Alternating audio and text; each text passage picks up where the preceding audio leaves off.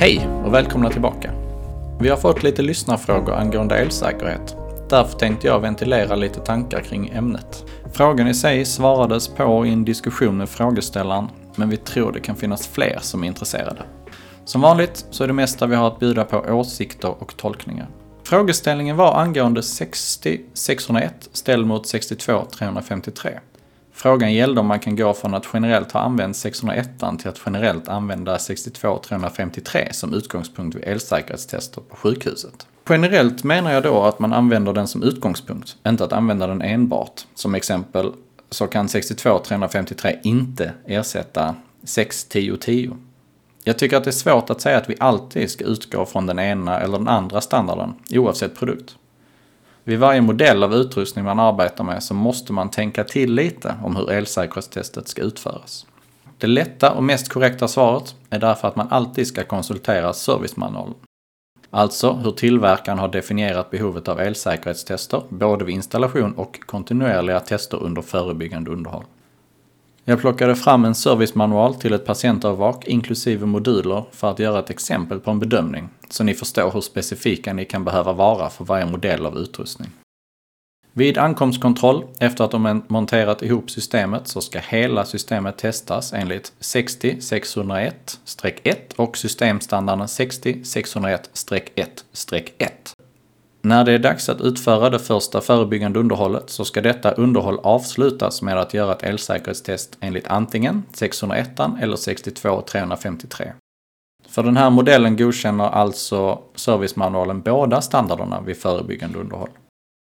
Om du utför ditt elsäkerhetstest enligt 62 353 så ska det göras enligt det som 62 353 kallar för Direct Method. Förenklat så är det den mätningen som är mest likt en mätning enligt 601.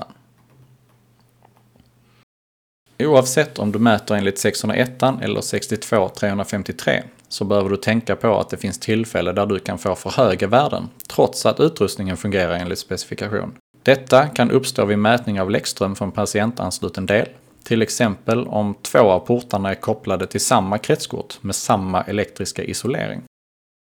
Vi skippar mer detaljer om det, men poängen är att servicemanualen beskriver hur mätningen ska gå till och hur man undviker problem. Servicemanualen kan även ha en hänvisning om att isolationsresistans inte är lämpligt att göra vid förebyggande underhåll på den specifika modellen. Men man kan alltid roa sig med att läsa om isolationsresistans i 62 353. Ungefär så skulle man kunna tolka elsäkerhetsdelen i en servicemanual detta gäller då enbart den modellen av patientövervak samt inkluderade moduler. En ny tolkning måste därför göras för varje ny modell.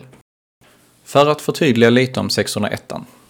När vi slänger oss med termen 601 och att vi gjort ett elsäkerhetstest enligt 601 under ett förebyggande underhåll på fältet så är det alltså inte samma sak som den 601 som används till typprovning, vilket standarden egentligen är tänkt till. Man kan väldigt förenklat säga att våra tester på fältet är baserade på 601 men att vi undviker att utföra vissa tester, främst de tester som är klassade som förstörande. Detta undviks både för att skydda utrustningen och medicinteknikern. Vad är då skillnaden mellan 601 och 62 353? Först så kan vi kika på informationen som ges på sidan 33 i 62 353. Där definieras vem standarden riktar sig till för medicintekniker på sjukhus finns en punkt som heter Service Personnel Internal and External. Anledningarna som uppges där är bland annat tillhandahålla enhetlig testning för utrustningar, att ha som guidning vid testning av utrustningar där inget specifikt tillvägagångssätt finns beskrivet, att uppnå samma nivå av säkerhet som ett test enligt 601. Här vill jag ändå påstå att allt detta går att uppfylla om man bara lägger lite tid på att faktiskt lära sig 601. Och då menar jag inte att man behöver kunna den lika bra som kvalitetschefen, men tillräckligt bra för att våga göra tolkningar av servicemanual och egna bedömningar om vad som krävs för att utrustningen ska vara säker att använda på en patient. Här vill jag ändå påstå att allt detta går att uppfylla om man bara lägger lite tid på att faktiskt lära sig 601. Och då menar jag inte att man behöver kunna den lika bra som kvalitetschefen, men tillräckligt bra för att våga göra tolkningar av servicemanual och egna bedömningar av vad som krävs för att utrustningen ska vara säker att använda på en patient. I 62353 hittar du också information som förutsätter att du som gör mätningarna efter denna standard är en Electrotechnical Expert och har adekvat kunskap om utrustningar som testas, samt om alla applicerbara standarder. Därför krävs det att det finns experter inom organisationen som dels har tillräcklig kunskap om applicerbara säkerhetsregulationer, att det finns användare och arbetsinstruktioner om deras arbete, samt att det kontinuerligt håller arbetssättet uppdaterat.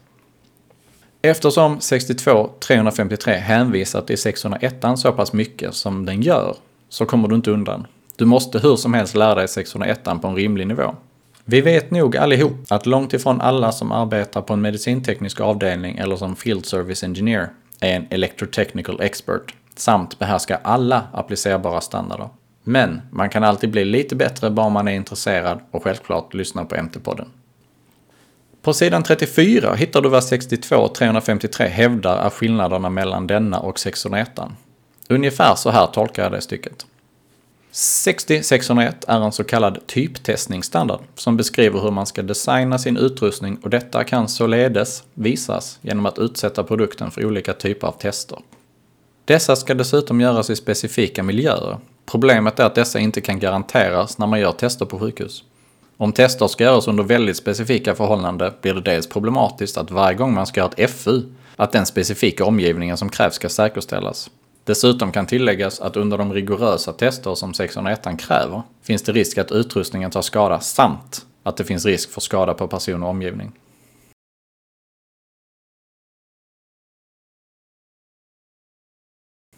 –62353 beskriver det som krävs för att säkerställa elsäkerheten hos produkten före de sätts i bruk. Återkommande tester och efter reparation samtidigt som den respekterar de kriterier som 60-601 ställer på designen samt att den skapar en tryggare arbetsplats för den som utför testerna.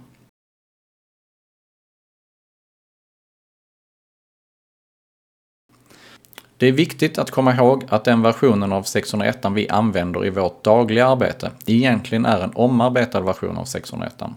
Där vi undviker att göra en del förstörande test samt där det finns stor risk för personskada. Några skillnader i tester som utförs, som också är värda att ha koll på, är att man missar ett par stycken mätningar om man kör 62-353 istället för 601. Till exempel Mains on Applied Part och Patient Auxiliary Leakage.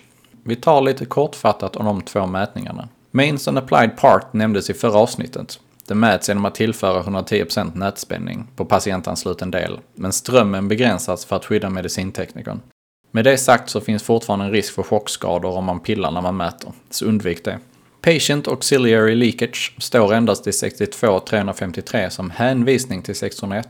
Det tolkar vi som att testet ej finns med i 62.353. Det betyder alltså om vi kör test enligt 62.353 så kommer vi inte att testa läckströmmar mellan de olika patientanslutna delarna. Om du bör göra dessa mätningar eller inte ska tillverkaren avgöra och meddela i servicemanualen.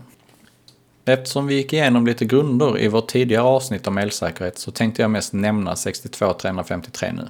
Lite kortfattat vad standarden påstår att den har för fördelar. I 62 353 så definieras tre olika metoder du kan använda och vilken du ska välja beror på vad du mäter. De metoderna kallas Alternative Method, Direct Method och Differential Method. På sidan 40 och 41 hittar du mer information om mätmetoderna samt anledningarna både för och emot dessa tre metoder. Typ när det är lämpligt och när det är olämpligt att använda dem. Som jag nämnde så är Direct Method mest likt en mätning med 601. Varför ska vi då använda den istället för 601 när vi mäter? På sidan 40, där har du anledningarna för och emot. Där står saker som möjlighet att mäta både AC och DC-läckströmmar, högst träffsäkerhet på låga läckströmmar jämfört med de andra metoderna, mäter den verkliga läckströmmen som den är under drift, på riktigt, med mera. Anledningarna emot att använda Direct Method. Utrustningen du testar ska vara elektriskt isolerad från jord under mätningen, vilket inte alltid är fallet vid fasta installationer, samt vid många utrustningar som är kopplade till exempelvis gas. Du har liknande information angående både Alternative Method och Differential Method, men vi skippar dessa idag. Avslutningsvis så tänkte jag gissa lite på hur man har tänkt när man skapat denna standarden. Jag tror ungefär så här. Mellan 1977 och 2007, alltså från att 601 släpptes fram tills att 62.353 släpptes, så har man ändå gjort anpassningar till 601 på fältet.